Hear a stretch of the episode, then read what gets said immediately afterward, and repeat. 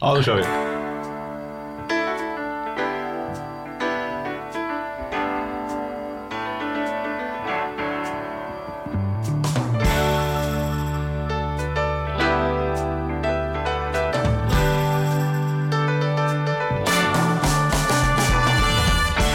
Hej och hjärtligt välkomna till På riktigt med Charlie och Mattias. En podcast på riktigt om, vad brukar vi säga, vardagsekonomi va? Ja, det säger vi. Ja.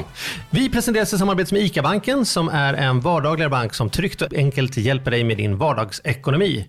Det är lite kräftskivefeeling snart här. Slutet på augusti är det Mm. när vi spelar in i alla fall. Får vi se vad det är när ni lyssnar. Men, men typ 29. Mm. Ja, Har du fått några kräftor?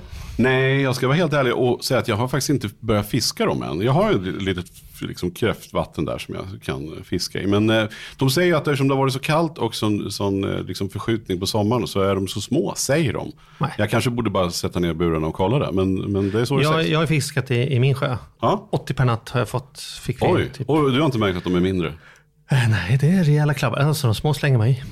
Jo, jo, men, ja. men, nej, så, men det hör jag att då har du haft kräftskiva alltså. Ja, ja, jag ska ha lite faktiskt nu i veckan. Jag har smugit igång en.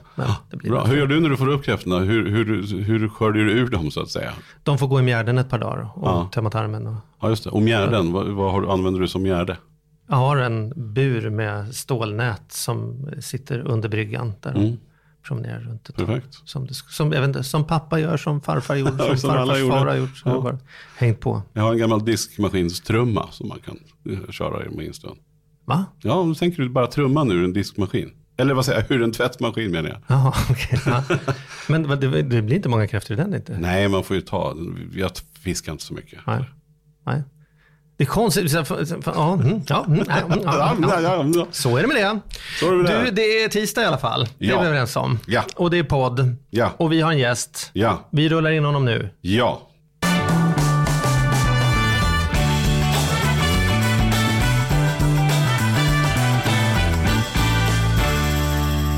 Välkommen in Magnus Hjelmer. Magnus Hjelmen Hjelmer. Brunbränd från Spanien.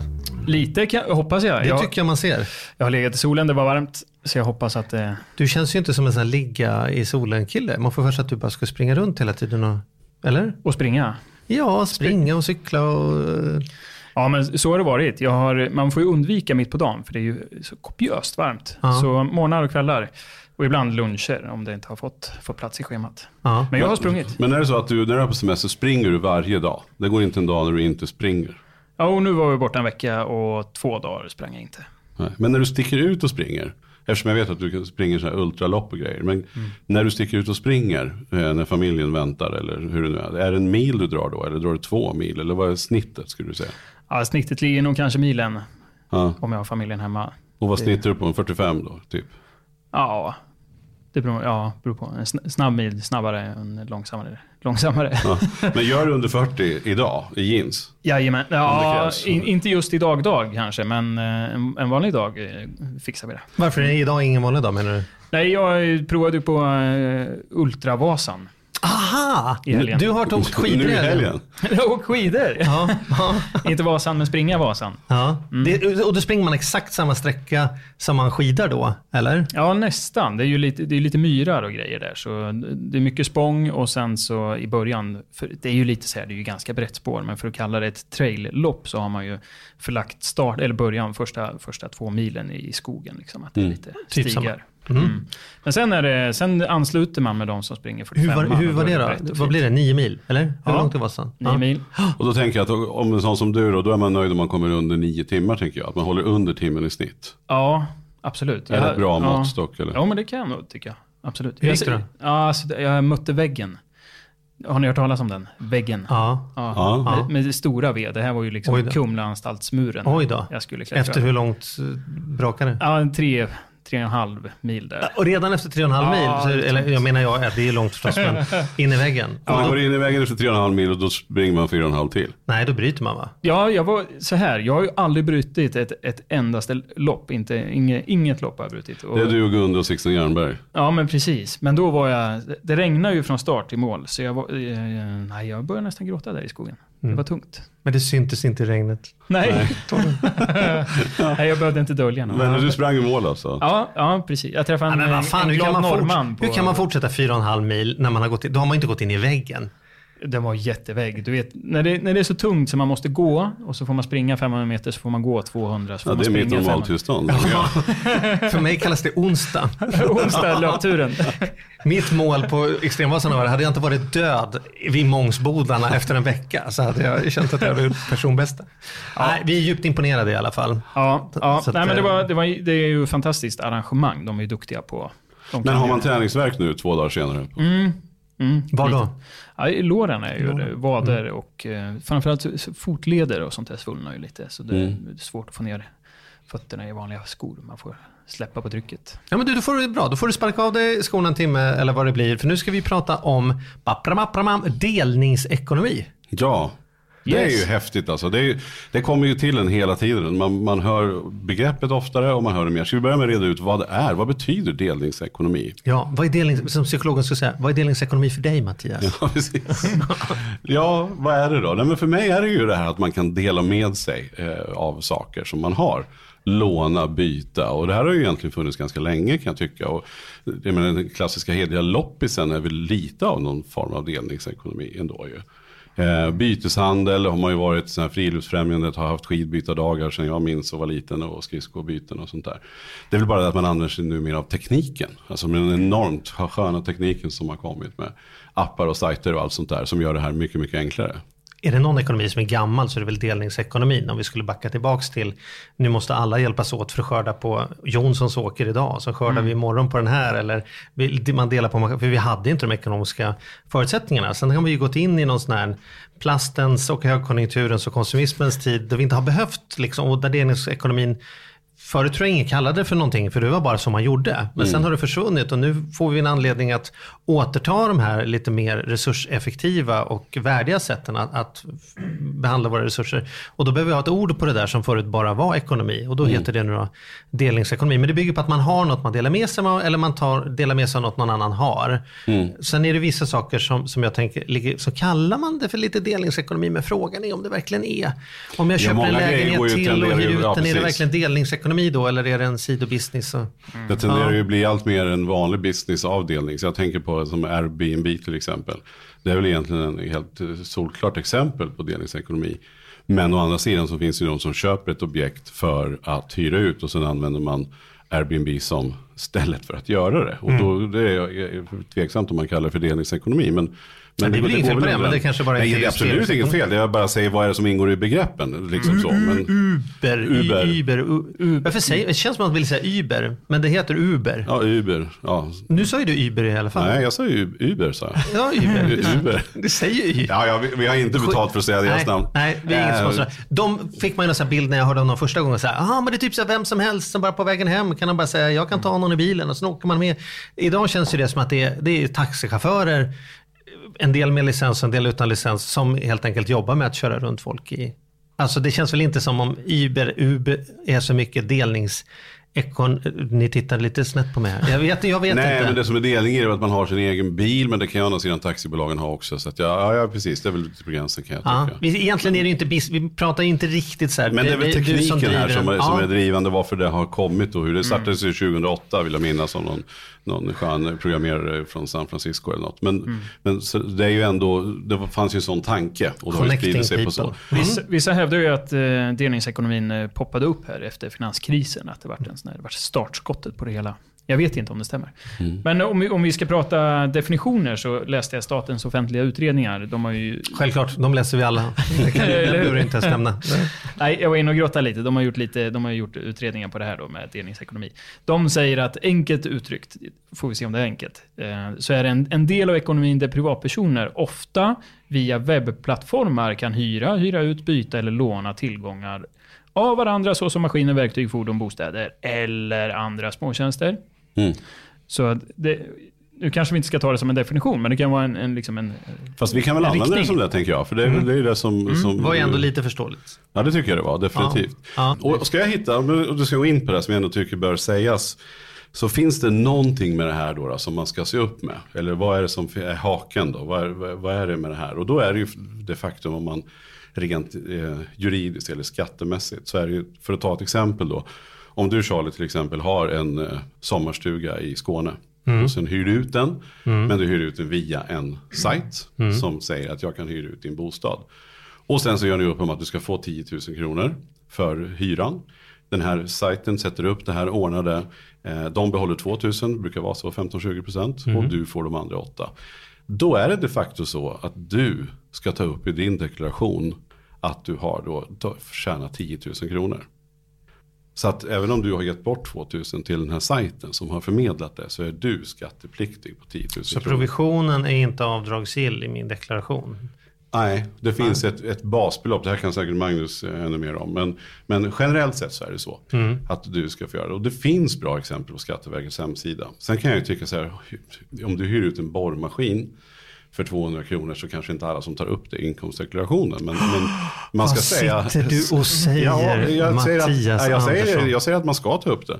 Men jag säger att säga att det eh, alla gör upp kanske det. inte det. Det är Men, korrekt att men det, det jag vill säga är att många som kanske har den där schyssta sommarstugan och sen märker man att här är jättemånga som hyr. Jag har uthyrt, jag använder den tre veckor om året själv.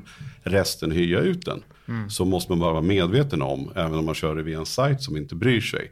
Utan det är då ditt ansvar som hyr ut den att ta upp det här, att du har haft en inkomst för det. Men låt nu inte detta hindra er från att dela. Absolut är- inte. Jag vill bara känna att vi skulle inte vara en seriös Ja. ekonomipodd om vi inte berättade hur Nej, det nej, men det är bra. Det är bra. Har du något mer att tillägga där Magnus? Ja, men jag grottade lite i det här innan också. För det, till slut, jag tänker så här, kör man exempelvis Airbnb och man kanske har ett ställe, man, man bor någon annanstans, så kan det ju ändå bli ganska mycket pengar i slutändan. Och, och den frågan jag ställde mig var ju så här, när behöver jag Eh, ja, men inte bara ta upp det i deklaration, utan så här, be- behöver jag bedriva det här som någon form av verksamhet? Eh, är ni med? Vart, går, Mhm. vart går gränsen mellan, Just det, när du ska börja köra som en verksamheten? firma. Liksom, Ja, men eller- precis. Hur mycket kan jag skjutsa kompisar hem och ta betalt för det innan jag blir taxi In, innan Skatteverket tycker att jag, liksom. att jag bedriver någon form av Ja. verksamhet. För det är Mm. ju faktiskt så, om jag tjänar tillräckligt, eller inte tjänar, Mm. det finns inga summor. Men när jag grottar ner mig i det här så är det ju det är en bedömningsfråga. Det är det här som är lite lurigt. Eh, Mm. Skatteverket tycker säkert att det här är glasklart. Eh, För mig är det inte glasklart. Men det är en bedömningsfråga och det finns lite olika kriterier när det är en hobbyverksamhet eller när det då är en näringsverksamhet som man kallar det. Och eh, man brukar skilja på de här och säga att, att kriterierna för en näringsverksamhet är att det ska vara varaktigt, självständigt och i vinstsyfte.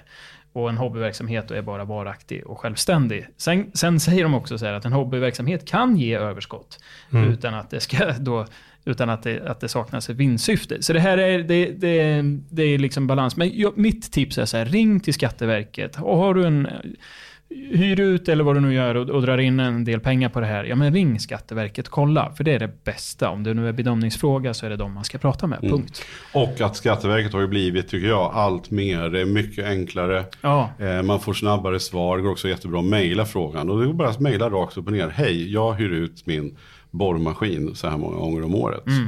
Vad ska jag göra något? Eller jag hyr ut min stuga eller vad det är. Så får man bra svar. De är snabba. Mm. Ja, ja. Eh, och det är inte svårt och de är inte ute efter att sätta dit den. Utan de går, inte. de går ju på de regler som finns.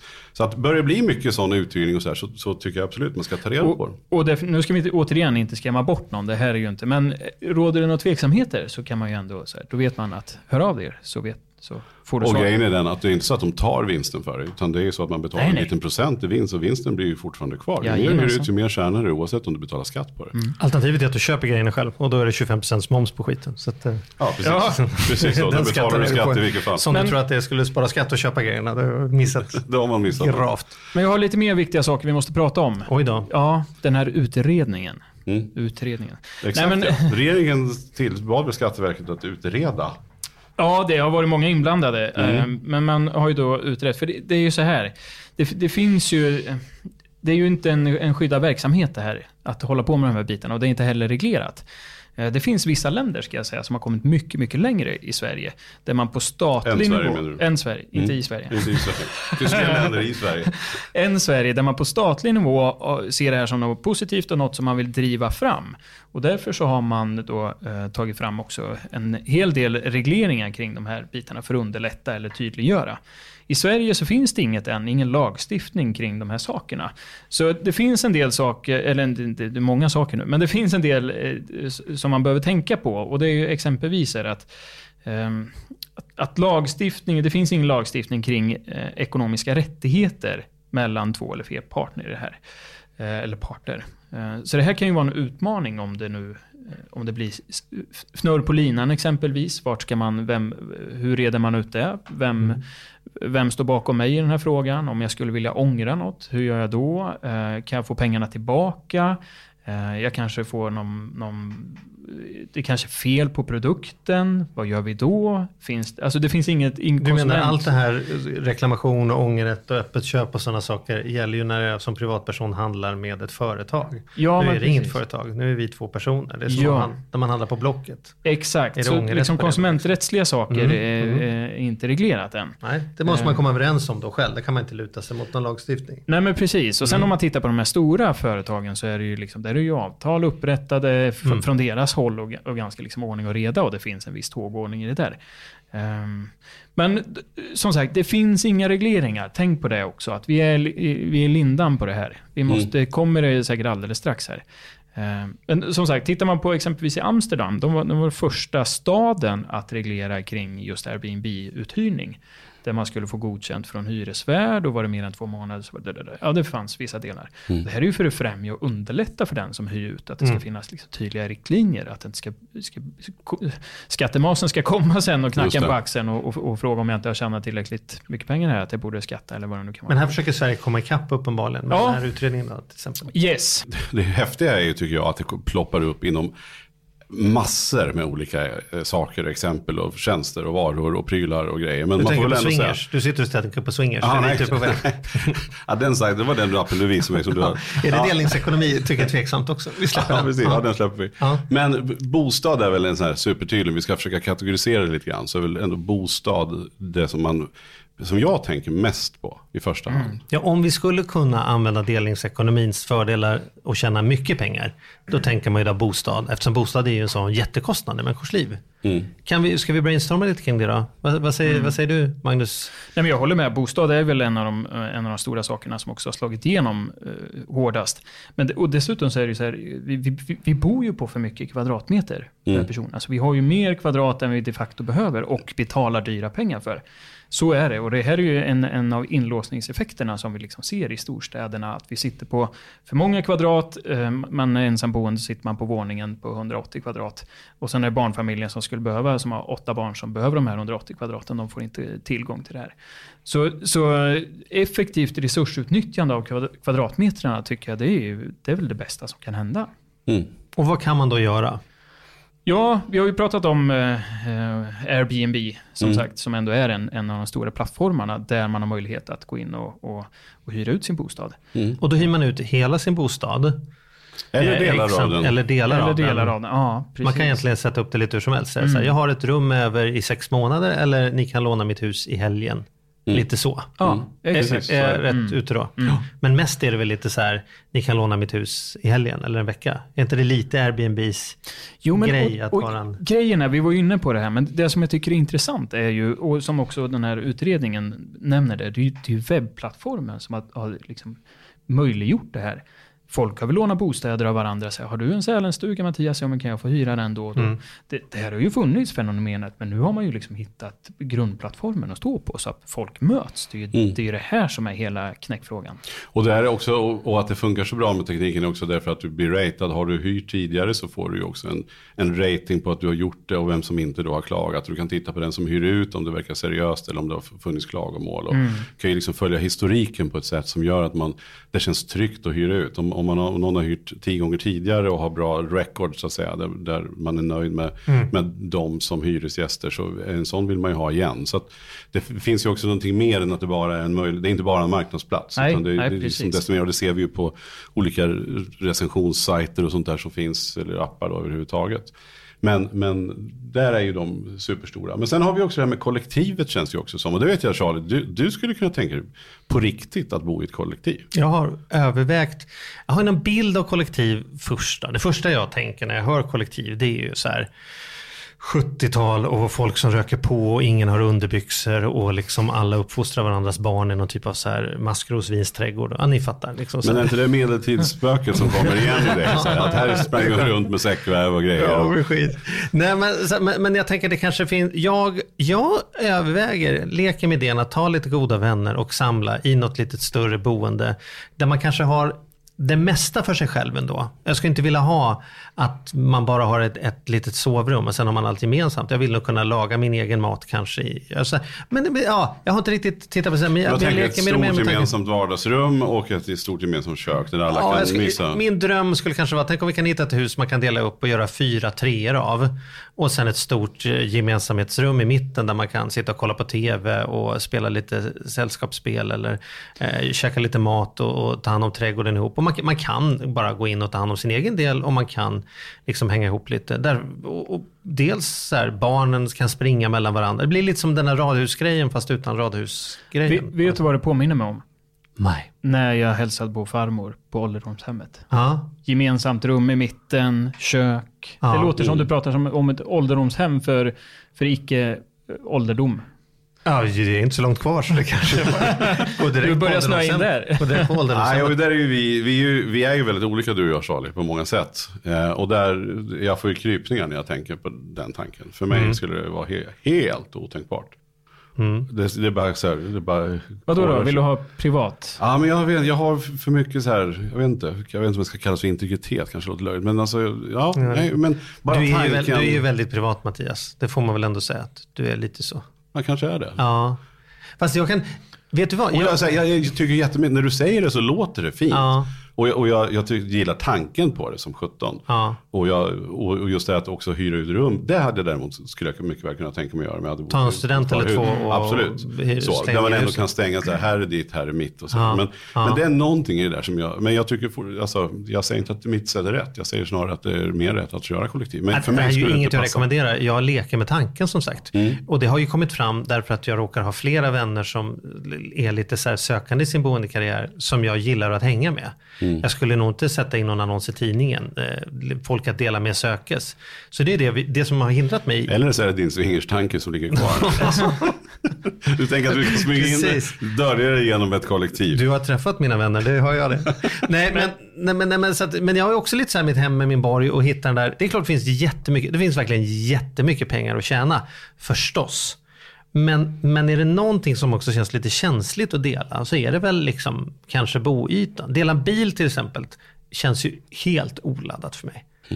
Men, men, men dela boende, ja, det, då måste det vara rätt på ett annat... Ja, ja, det är lite klurigt för mig då personligen. Vad, vad säger du? Skulle du kunna tänka dig prova några alternativ? Eller har du provat något? Nej, ja, Air- Airbnb har jag ju provat mm, eh, många gånger och eh, har varit fantastiskt nöjd. I båda ändar eller? Har- Nej, nej, bara hyrt. Jag har inte hyrt ut. Varför har du inte hyrt ut? Eh, bra fråga. Det är ett, ehm, nej, men det är nog lite personligt också som du säger. Fast när du säger att du skulle kunna dela bilen, den skulle inte jag kunna Nej, dela. nej. Jag var så, jag var så Det- roligt häromdagen vart jag så förvånad för att min, min kollega på Promotor Media eh, kom till mig och sa, han var så glad för att han bara, ah, men vi har, vet vad, så här, vi, ska, vi ska vara en månad i USA nästa år. Jaha, vadå? Nej, men då har de varit inne och just bytt hus. Alltså de har lånat ut sitt hus eh, som ligger i Täby mot eh, ett annat coolt eh, stort hus på någon ö närliggande Bahamas. Med bara alltså, ett här helt magiskt eh, ställe. Så har de bara bytt, bytt rakt av en månad, bara så här, byter plats. Det är ju ashäftigt. Det är sånt här som jag har hört om men det har inte varit, kommit nära mig. Och, då, och min första då, så här, lite jag då som är som, lite integritet bara. Men, men alltså ska de smyga omkring där och liksom, men sen när jag börjar tänka på det, så här, ja, vad är det de ska smyga omkring om? Det är väl klart att man ska göra så. Ja, Så ja. det är väl rätt häftigt liksom. Jag tror att det är någon sån här home exchange, home exchange eller något liknande Mm. tror jag sajten heter. Det finns säkert olika sajter som, som gör det här. Men Ja, det där gjorde jag, jag gjorde ett program Jävla på precis häftigt, det, där, alltså. det där temat. gjorde vi något inslag. Och det, det som var intressant då, att det som hindrade folk mest från att göra den här semestergrejen, byta bostad med någon annan, liksom bara säga så här, radhus i, i Stockholm mot lägenhet i Florens, det är ju att man uppskattar ju inte det man har. Man har någon känsla av så här, åh, åka semester, vad fantastiskt vore att ha pool och grejer. Och så tänker jag här, men sen har jag en tvåa på Söder mot en, en villa i Miami med pool. Det känns ju inte som om någon skulle vara intresserad av det. Men för den som bor i Miami och har pool, att bo då två tunnelbanehållplatser från Gamla stan med möjlighet att gå omkring och se. Alltså, vi, man vill ju inte ha det man har hemma och det är det som är så finurligt. Du kan få någonting som, som du verkligen inte får annars om någon annan kan få tvärtom. Plus att då kan du ju också få med kanske bil med på köpet och säga så här, det står ändå en i garaget och, Ja, och jag vet och vilka som förmodligen har de en bil där motsvarande, Ja. man bara byter. Ja. Nycklarna ligger där, vi kör. Och sen kan du få en fantastisk resa mot en flygbiljett. Och du jag vet vem att, som bor vet där. att de varit inne och, och bokat redan nu ett år innan. Då kan man ju komma ganska långt. För Du vet vem som bor hemma hos dig, för du har bott hemma hos dem. Så att det är Ja. ändå som att, eh, det gäller ju då att hitta att det ska funka samtidigt. Ja, precis. Det är väl det där. Men hör- hörrni, hur känner ni det här med att kliva in i någon annans hem då? Jag ibland har jag hyrt då, Mm. på Airbnb exempelvis. När jag kommer hem hos någon och det står liksom tandborsten står kvar nästan. Mm. Det känns ju lite privat. Vad tycker ni om det? Jag har svårt att sova. Och det här är även när jag byter boende överhuvudtaget. Att, att det tar ett tag innan jag, eh, innan jag känner mig trygg med det. Det är som att jag har någon känsla av att nycklarna ska rassla i låset. Och då kan det komma in vem som helst, när som helst känsla. Nu har jag ju flyttat till en ny lägenhet där i, i, i eh, Stockholm. Eh, där, liksom där jag hänger Ja, ni har ju hyrt i andra hand nu. Ja. Det är ju andra året Ja. ni är inne på. Ja. Med, med möbler och grejer, Ja, eller med möbler och alltihopa. Det, och det funkar eh, skitbra. Men, men i början, det tar, det tar ett gäng nätter innan jag inte hajar till på ljuden från Grannen går i toaletten och tänker så här, vad det, Eh, kommer det in någon här? Kommer är det liksom, det är någon, Har de hyrt ut till två olika utan att berätta? För, alltså, det finns lite spöken kring, blir jag, ja. Nej, men det finns en sån här hem i min borggrej där också. Så att jag är också lite... Men, men att, att ha folk peta på mina saker, det är jag helt. Jag är ju sån här, ja, kan gå naken, jag skulle skita i om folk såg det och det hamnar bilder i tidningen, vem bryr sig? Jag har inga problem om någon öppnar mitt badrumsskåp hemma och liksom konstaterar att jag liksom har eksem på fingrarna. Alltså så här, vad är, vad är det? Tant, tandtråd. Alltså, alltså, så, Charlie använder tandtråd. Nej, men det är väl sådär, man får, om man börjar tänka på, på sånt så är det ju bara dumheter att vara lite nojig kring det där naturligtvis. Eh, Och jag har varit, jag har varit otroligt lockad när, när min kollega då eh, berättade att de hade gjort så här nu. Att det liksom är verkligt. Och man ser bilderna på ja men det är ju magiskt. Så att, det är väl också en, en sort som inte är något nytt egentligen, men som gör, som via tekniken har gjort det ännu lättare. Och att man också kan få någon form av statistik på personerna och sådär. Så att det är skithäftigt. Men då har vi, då har vi snackat bostad, om vi liksom varit inne på transporten också då med, med Uber. Ja, Eh, och sen så mer? tänker man också Ja. på transporten har med de här bilpoolerna som är rätt häftigt. Det står ju överallt här i Stockholm. Ja. Bilar som man ju bara kan blippa och de är bara att hämta. Liksom. Mm. Man, man ser vart bilarna finns som är tillgängliga. Man går dit, tar bilen och man behöver aldrig betala någon parkeringsavgift till exempel. Utan man använder bara bilen när du kör. Och här måste vi ju också säga då att man kan ju känna sig som en bättre människa miljömässigt också förstås. Alltså bilen är ju, är ju en sån, liksom att, att äga bil och vad det kostar att, att hålla den igång och så parkering i stan och alltihopa. Fördelarna med att inte ha bil är fantastiska. Jag har ju eh, en jätteliten, jag har ju Mini Cooper. Eh, eller jag har en halv Mini Cooper. Jag har faktiskt sålt halva min bil till en kollega på jobbet. Så att den står i garaget på jobbet. Och, sen så, och på ett år, vi pratade om det här för några veckor sedan, på ett år är det två tillfällen där vi ens har behövt prata om, där båda har velat ha bilen samtidigt. För en bil står 90% av tiden står den. Den, den, den står, om man inte nu pendlar mer än varje dag till jobbet och sådana saker. Så jag har många vänner nu som kör bilpool, det har kommit så många olika förslag. En del har lite högre fasta avgifter, då har man tillgång, sen delar lite mer i mil. Men det är väl klart att det är ju lite som drömmen. Det är sån där Batmobilen man kan knapp och trycka på så förändras den. Att ena dagen ska jag åka till Ikea och då vill jag ha en minibuss. Andra dagen ska jag åka ut i skärgården. Då vill jag ha en cab. Tredje, alltså så här, Och, möjligheten och då finns det ju också, det finns ju tusentals, eller på säga, kanske övriga, men det finns ju ett gäng appar. Dels allt Mm. ifrån de här lite större organiserade företagen som har de här bilarna som jag säger som står, man bara liksom går och hämtar den och leverar, som ställer vad man ska. Men det finns ju också massor med appar där man helt enkelt kollar med grannen eller närliggande människor.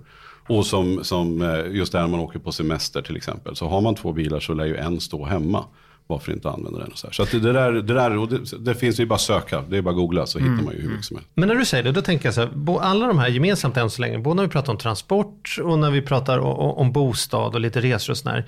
Det handlar ju väldigt mycket för mig om att i den här vardagsstressen, eller att jag inte riktigt tänker på det. Av gammal vana så bara, ja men vi ska åka den här veckan, ja men då går vi in och bokar ett hotell. Alltså istället för att ta två minuter och tänka, vem känner jag som bor i, liksom i Spanien eller hade jag inte någon som, som hade en bil i, i Malmö istället för att bara det blir här slentrian. Alltså det, det är ju liksom pengarnas förstörelse. Att man så slentrian handlar när man lika gärna hade kunnat liksom hitta en, hitta en, en, en gratislösning. Vissa människor har ju det naturligt och är väldigt så här sociala och självklara. Ringer på dörren och frågar om de kan låna en korkskruv 16 gånger istället för att köpa en korkskruv. Liksom. Det är ju klart. Och det där är lite märkligt, för det upplever jag har blivit tvärtom sen vi flyttade till, till storstan.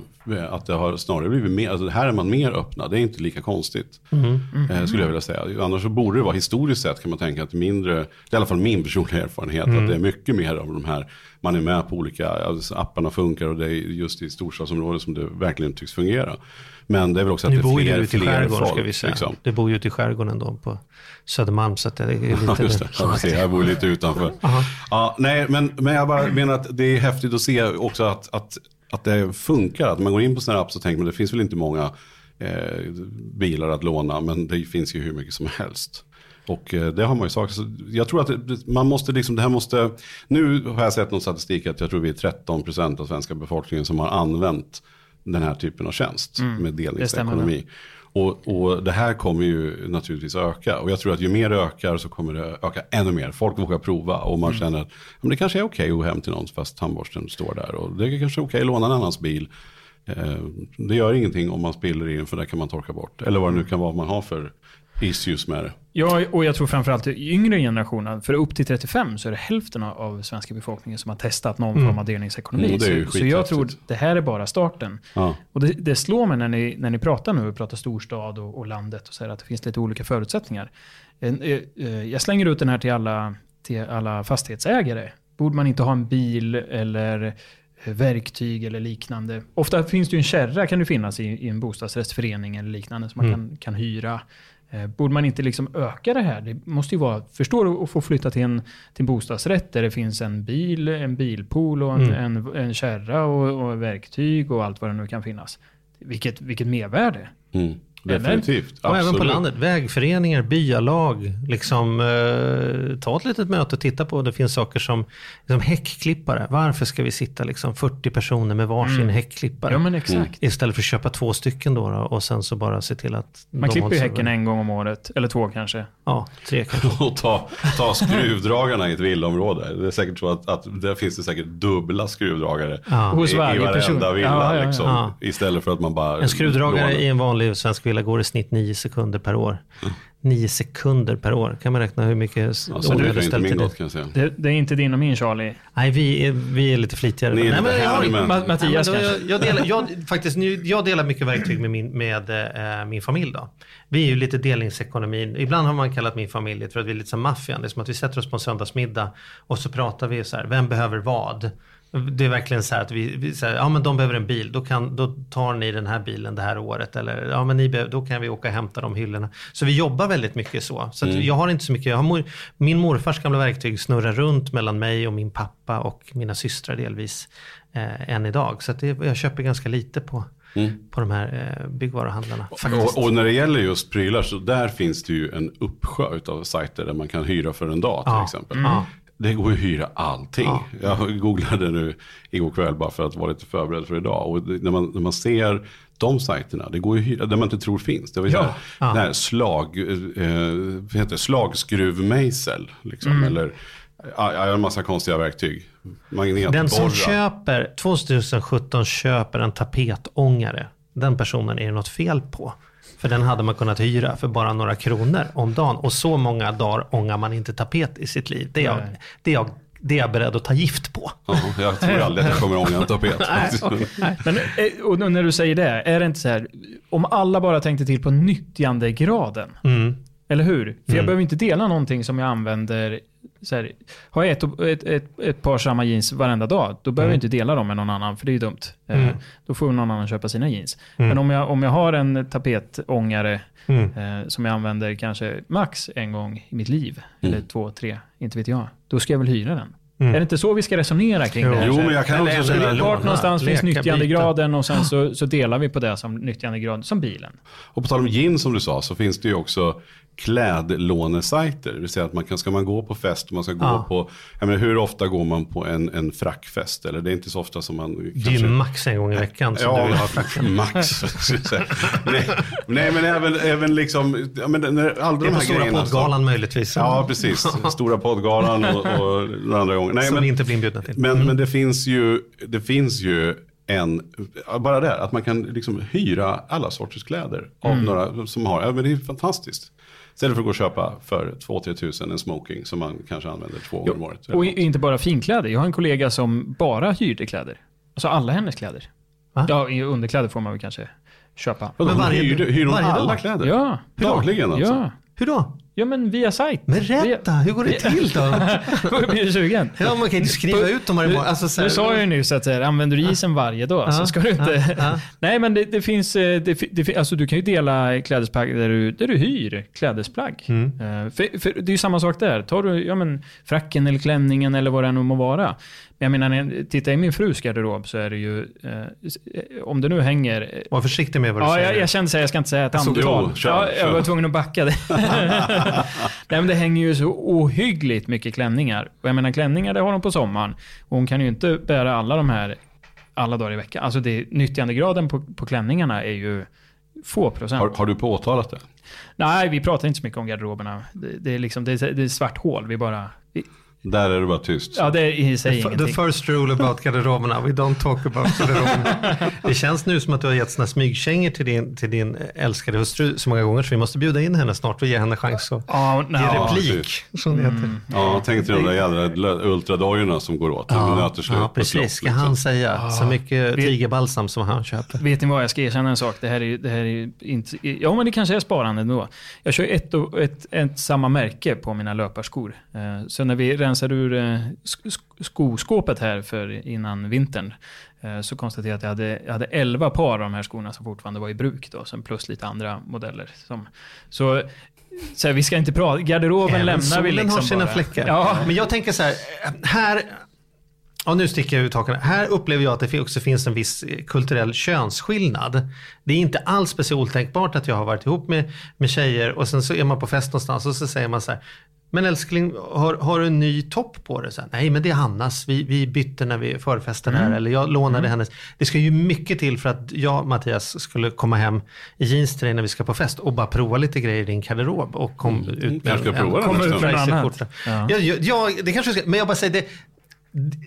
Ja, jag hittar Nej, på jag att med. kvinnor har lättare att hålla på och bytlåna och det finns här klädbytardagar och, och på barnkläder är en helt annan sak. Det är ju förstås både mammor och pappor som kan byta och där finns det ju enorma möjligheter. Ja. Men, men vi ligger väl lite efter vi män när det kommer på kläd, Ja. by, Ja, det kanske vi kläder. gör. Jag vet inte. Jag tror kanske vi gubbmän kanske. Ja. Men jag skulle inte vara förvånad ett smask om de yngre gör det mycket mer.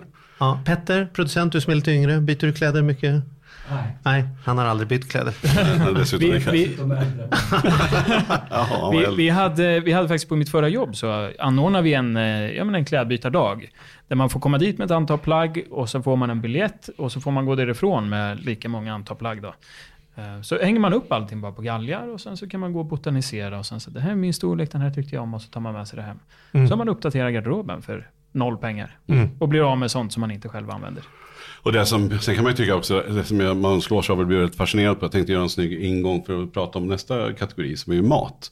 Men jag menar, det är väldigt mycket nu där man tar hand om mat som har gått ut eller är på väg att gå ut. Där man gör någonting med både handlarna som, som skänker mat som håller på att gå ut. Men även att det finns ju till och med där, både att man kan få, alltså som det även är med kläder menar jag. Det finns ju många ställen där, där det skänks bort. Om man bara håller lite koll på appar och sånt där. Eh, Men när man kommer till mat då, så finns det ju också de där man både kan hitta matvaror som är på väg att gå ut eller som faktiskt skänks bort för att de annars ska slängas. Eh, Så det finns ju också Och- för alla, jag menar, vi sitter och pratar om att man kan byta smoking och frackar och, eh, eller hyra sådana då. Liksom. Det är en sak, men det här är ju också superhäftigt. Man tar tillvara på sånt som snart är borta, liksom, som ändå inte skulle kunna gå att använda. Det där, det där eh, li- ligger mig lite varmt om hjärtat såklart ut- utifrån där jag jobbar. Men just det här med att rädda frukt, alltså, nu är det ju förvånansvärt lite man ändå räddar. Men eh, att det är ju någonstans ändå konsumentdrivet, men att vi konsumenter har tryckt på så att den här gurkan måste vara exakt rak. Eller det- får inte vara en, en böjd morot, liksom, för då ratar vi morot. Det smakar väl likadant. Mm. Eh, Men det här skulle behö- behövas mer såklart, ä- ända bort i, i producentleden. Mm. Att man verkligen tar tag i de här frågorna. Det är ju jätte, jätte, jätte, jätteviktiga frågor. Mycket Och det resurser. som är bäst före så är det naturligtvis så att leverantörerna safeat för man inte vill få klagomål. Så jag menar mycket mat. Men vi ska inte gå in och bli så här moral, Nej, hur delar man mat? Hur, hur delar man mat? Ja, men det finns också flera ställen där man har anordnat som man kan gå till affärer och hämta. Jag såg ett reportage för inte så länge sedan på om det var Rapport Aktuellt där, man, där det ställs matpåsar. Folk liksom, som ställer upp for free Mm. och packar sånt som handlaren liksom skänker som, håller upp, som har gått ut eller Mm. kommer att gå ut. Där man kan gå och hämta mat. Ja, men exakt. Många butiker eh, tar ju hela fruktkartonger med sånt som är på väg att bli lite skadat eller och, och liksom Mm. säljer för en spottstyver. Liksom. Det är inga pengar alls. Och jag tror också på något ställe så var det väl också något krav tror jag, att man, man, man fick bara hämta om man hade en lön upp till 10 000. Mm. Jag kommer inte ihåg vilken stad det var, det kan man googla. Men, men eh, det var någon, någon speciell stad då, i Sverige där man har sagt att tjänar du under 10 000 så är du välkommen att komma och hämta maten så länge det räcker. Och sen så är det färdigpackat i påsar, man får bara ta sin påse och På gå. va? Mm. Eh, och kravet är just den, vilket jag också tycker är schysst och rimligt på många sätt. Sen är det svårt så här, var ska man dra gränsen? Ja, jag vet inte, men de hade dragit den vid 10 000. Men det är också otroligt häftigt hur man kan sitta hemma in på en app eller liksom och få reda på, kunna få billigare eller byta eller så. Men sen har ju mycket också, även om man nu inte har ek- ekonomiska utmaningar för att få ihop det med maten, finns det många, jag vet flera som till exempel sätter upp som så här lite restaurang hemma. Folk kan komma, liksom, vi lagar mat och sen så får folk komma in och så betalar de sin del för att vara där och käka. Och sen så har vi lagat till flera på en gång. Lite så här hemma-restaurang. Det, det ser man ju på flera ställen nu för tiden. Och också lite så här matbytardagar.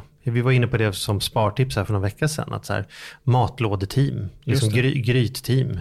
Eh, jag fixar maten till, all, till alla i den här kontorsgruppen på måndagar och du tar tisdagar och onsdagar. Och så får vi äta lite rolig oli, olik mat. Och Mm. det blir både billigare och roligare. Och där kan vi ju skicka ut en, en hälsning till alla studenter om man är student och lyssnar. Dels när vi pratade om boende tidigare. Mm. Finns det någon peng som man kan spara när man är student så är det ju verkligen boende. För det är den största kostnadsposten. Det är ju förvisso ett vanligt hushåll. Men, men extra mycket, se till i, i, att gå ihop med vännerna, kursarna och hyr en fyra eller en trea och sen så flyttar ni in i varsitt rum. Kommer ni garanterat spara pengar på. Och kan då laga mat tillsammans. Där, det, där, det, där man nyttjar resurserna lite mer effektivt kanske. Mm. Ja, men definitivt. Mm. Det här är spännande. Vi, vi kommer att prata lite mer om just studentsituationen. Ska försöka liksom, kasta lite extra just på det om någon vecka här tänkte vi. När vi blir lite studentstart och sådana saker. Men, men, men hela delningsgrejen tycker jag andas någon typ av kan vi inte unna oss det och säga att det är inte exempel på snålhet egentligen, utan det här är frågan bara om vem, jag tror att alla väntar på att någon ska börja i villaområdet, sätta upp en lapp och säga kom hem till mig med några klädesplagg, jag tar upp mina, så har vi en klädbytardag. Vi kollar om det funkar, om det blir bra. Eller vi kör en barnklädespicknick här i, eh, på lördag. Eller vi, vi kör en liten verktygspool borta i, här borta. Alltså prova tillsammans, lär Ja, men, och, testa. och, och jag tycker också så här att, att våga lite, alltså många är ju, man är ju skeptisk till internet och kan det här verkligen funka och vad är hållhaken och anmäler jag mig nu och vem kommer se det här och sådär. Mm. Och det kan jag tror jag också som jag var inne på skildren från landet och storstan så är det väl många fler som, som, eh, för det finns många fler på samma område så det är inte så konstigt att det liksom växer och funkar snabbare tror jag i storstäderna. Eh, för att det är ju häftigt när man bara sätter sig och googlar runt och hittar de här konstiga, det finns en app som heter Bjussa. Handlar om att man liksom bjuder till folk som vill ha saker man har i garderoben som står och skräpar. Och det finns inga hållhakar med många av de här apparna. Det, är så, det är så bra är det liksom. Och så här enkelt är det att byta. Och ingen kommer, du kommer inte få massa spambrev och ingen kommer sno dig på pengar. Eh, så jag skulle vilja säga också så att våga testa och googla på alla möjliga. Det finns ju, ja, det- man blir helt Redan, fascinerad. redan på Facebook och Instagram finns det hur många grupper som helst och konton och grejer. Ja. bara, folk bara lägger upp, här har jag, ta, kom och hämta. Jag har en, Ja. jag har en, en polare som, som jag ringde till igår eh, inför att vi skulle spela in idag. Och som han är jävligt om sig och kring sig med nätet och har koll på läget och sådär. Och då ringde honom och sa, liksom, kan inte du skicka över lite så tips och lite länkar? Och när man väl börjar, alltså jag kommer ju inte i säng i natt, det är så jävla kul när man hittar alla dessa balla. Alltså det är helt galet vad appar det Ja. finns. Jag ska inte sitta och rabbla och bli långtråkig, utan mitt tips är att in och googla. Ja, det finns det ju nästan finns, appar för eh, vad som helst. Och vad du än behöver, både när det gäller prylar, mat, bostad och transporter, så finns det ju massa häftiga lösningar. Mm. Eh, och våga prova någon. Ja, ja. Och där tror jag så här, det finns ju flera dimensioner. Jag tror att vi kommer titta tillbaka om ett gäng år och så tänka så här, hur kunde vi göra någonting annat? Kanske som vi kommer titta tillbaka på, på, liksom, eh, på bensindrivna bilar. Så här, hur, kunde, hur kunde vi? Eh, så tror jag vi kommer titta på de här sakerna också om bara några år. Det så det, är bra, det är bra för miljön, det är bra för liksom, resurser, det är bra för ekonomi.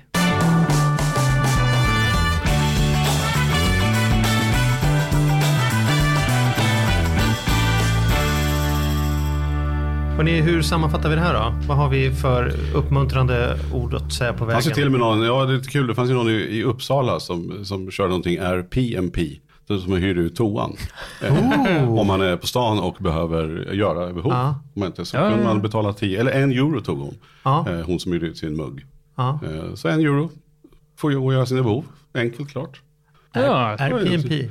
Bor du mitt i Gamla stan och har en RPMP, alltså Mm. behöver, så kan du nog dra in en, en hacka. Ja. Ja. Nej, men jag tycker så här att man ska ju, man måste ha lite koll på reglerna och jag tror man känner själv när det börjar bli som en, sak att man gör någonting praktiskt och bra och man byter med grannen till att man har det som en professionell uthyrning. Det tror jag man känner på sig. Och, men att då ska man absolut kolla upp grejer. Men jag tycker att man ska inte vara så, i så fall skulle man inte våga sälja någonting på Blocket heller. Jag menar, i 99,9% av fallen så funkar det ju. Ja. Och det är det som är min erfarenhet. Att jag, jag kan ju fortfarande häpna av hur saker, lite så här gammalmodigt att, så här, ja men det är verkligen okej. och, och, och vi, vi som har gjort konsument-tv till och med tycker att allt ska vara så här. Men jag får ju liksom, släpper man loss lite och så provar man de här tjänsterna så funkar det klockrent. Ja, i, I undersökningar så visar det att i Sverige så 70% upplever inget problem vid användandet av, av någon form av delnings... Nej. Eh, 70% och då är det så här, den som, de som har klagat mest, det är ju att här, ja, men det är svårt att få kontakt, alltså de här sociala bitarna. Så ofta prylarna funkar. Men 70% är nöjda. Mm. Jag håller med. Ska, ska jag stå något slag för delningsekonomin så är det väl också så här att, att inte underskatta relationskvaliteten. Alltså att man får en anledning att träffa på människor man inte hade träffat annars för att man bor tillsammans, man byter bostad. Man får, man får liksom i, i dessa tider av ensamhet så är det också ett sätt att liksom knyta kontakt på nya sätt. Min erfarenhet är att vi har en någon så här grundgrej att när, för att sträcka oss ut till andra människor, då ska vi alltid, alltid lösa något åt dem eller erbjuda någonting åt dem. Det, så, det funkar jävligt dåligt för folk har redan mycket av det på plats. Det som funkar absolut bäst har jag märkt när jag kommer till, när jag flyttar till en ny plats. Be om hjälp. Bara fråga, kan jag låna din, hur hittar jag det här, hur funkar det här? Att våga sträcka ut handen och säga, vet du vad, jag skulle vilja att ni kommer hem och byter kläder hos mig. Jag behöver nya kläder, gör inte ni det? Att vara den Ska som du komma hem sträcker och ut byta handen. kläder hos dig? Ja. Fan, du, är, du har någonting med det. Är G&G, det är garderobstidning. Ja, jag fattar vad du menar. Jag tror så här. Våga, våga blotta strupen och, och så kommer du få lite mer hjärta med det där. För det tror jag är halva idén med delningsekonomi. Att vi kan komma ifrån lite mer polerade marmorgolvshotell och få lite mer eh, riktigt liv. Liksom. Och komma lite närmare varandra. Vi tycker ju det här är så jädra häftigt så att vi skulle gärna vilja följa upp det här lite grann också Mm. längre fram. Så vi skulle vilja att ni lyssnare skickar in roliga exempel på hur ni har använt er av delningsekonomi. Mm. Både om ni har liksom åt båda hållen använt, det vill säga att ni har brukat tjänsten eller om ni har hyrt ut eller vad ni har gjort eller lånat ut. Det skulle Ja, vad har vi häftigt missat? att höra. Vad har vi missat nu? Ja, Vad är det precis. Säkert massor har vi missat. Det skulle vara kul att få. och RLNL eller vi- vad är det för Ja, grejer just vi det. inte har insett ännu? Och vad, Ja. har, vad har gått riktigt åt käpprätt och vad har gått riktigt, riktigt bra? Är det någon som har gift sig på grund av att någon delad borrmaskin eller något sånt där? Vi vill höra. Ja, alla roliga Ja. historier. Så, Ja. så in på sociala medier och skriv och tyck och mejla, hör av er vet jag. Superkul. Hashtag på riktigt. Hashtag på riktigt. Yes. Ja, men då får vi väl dela den här ut i sociala medier idag. Och sen så får vi vänta på resultatet. Det låter bra. Känner vi oss klara för idag? Det gör vi. Tack Ja, för idag. Dela Tack på. så mycket. Ha det gott.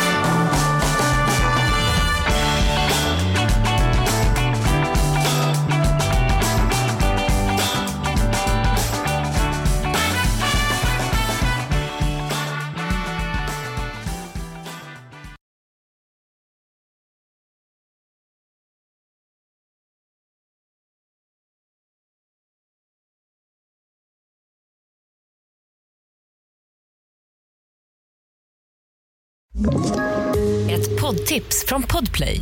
I fallen jag aldrig glömmer djupdyker Hasse Aro i arbetet bakom några av Sveriges mest uppseendeväckande brottsutredningar. Går vi in med hemlig telefonavlyssning och, och då upplever vi att vi får en total förändring av hans beteende. Vad är det som händer nu? Vem är det som läcker? Och så säger han att jag är kriminell, jag har varit kriminell i hela mitt liv men att mörda ett barn, där går min gräns. Nya säsongen av Fallen jag aldrig glömmer på Podplay.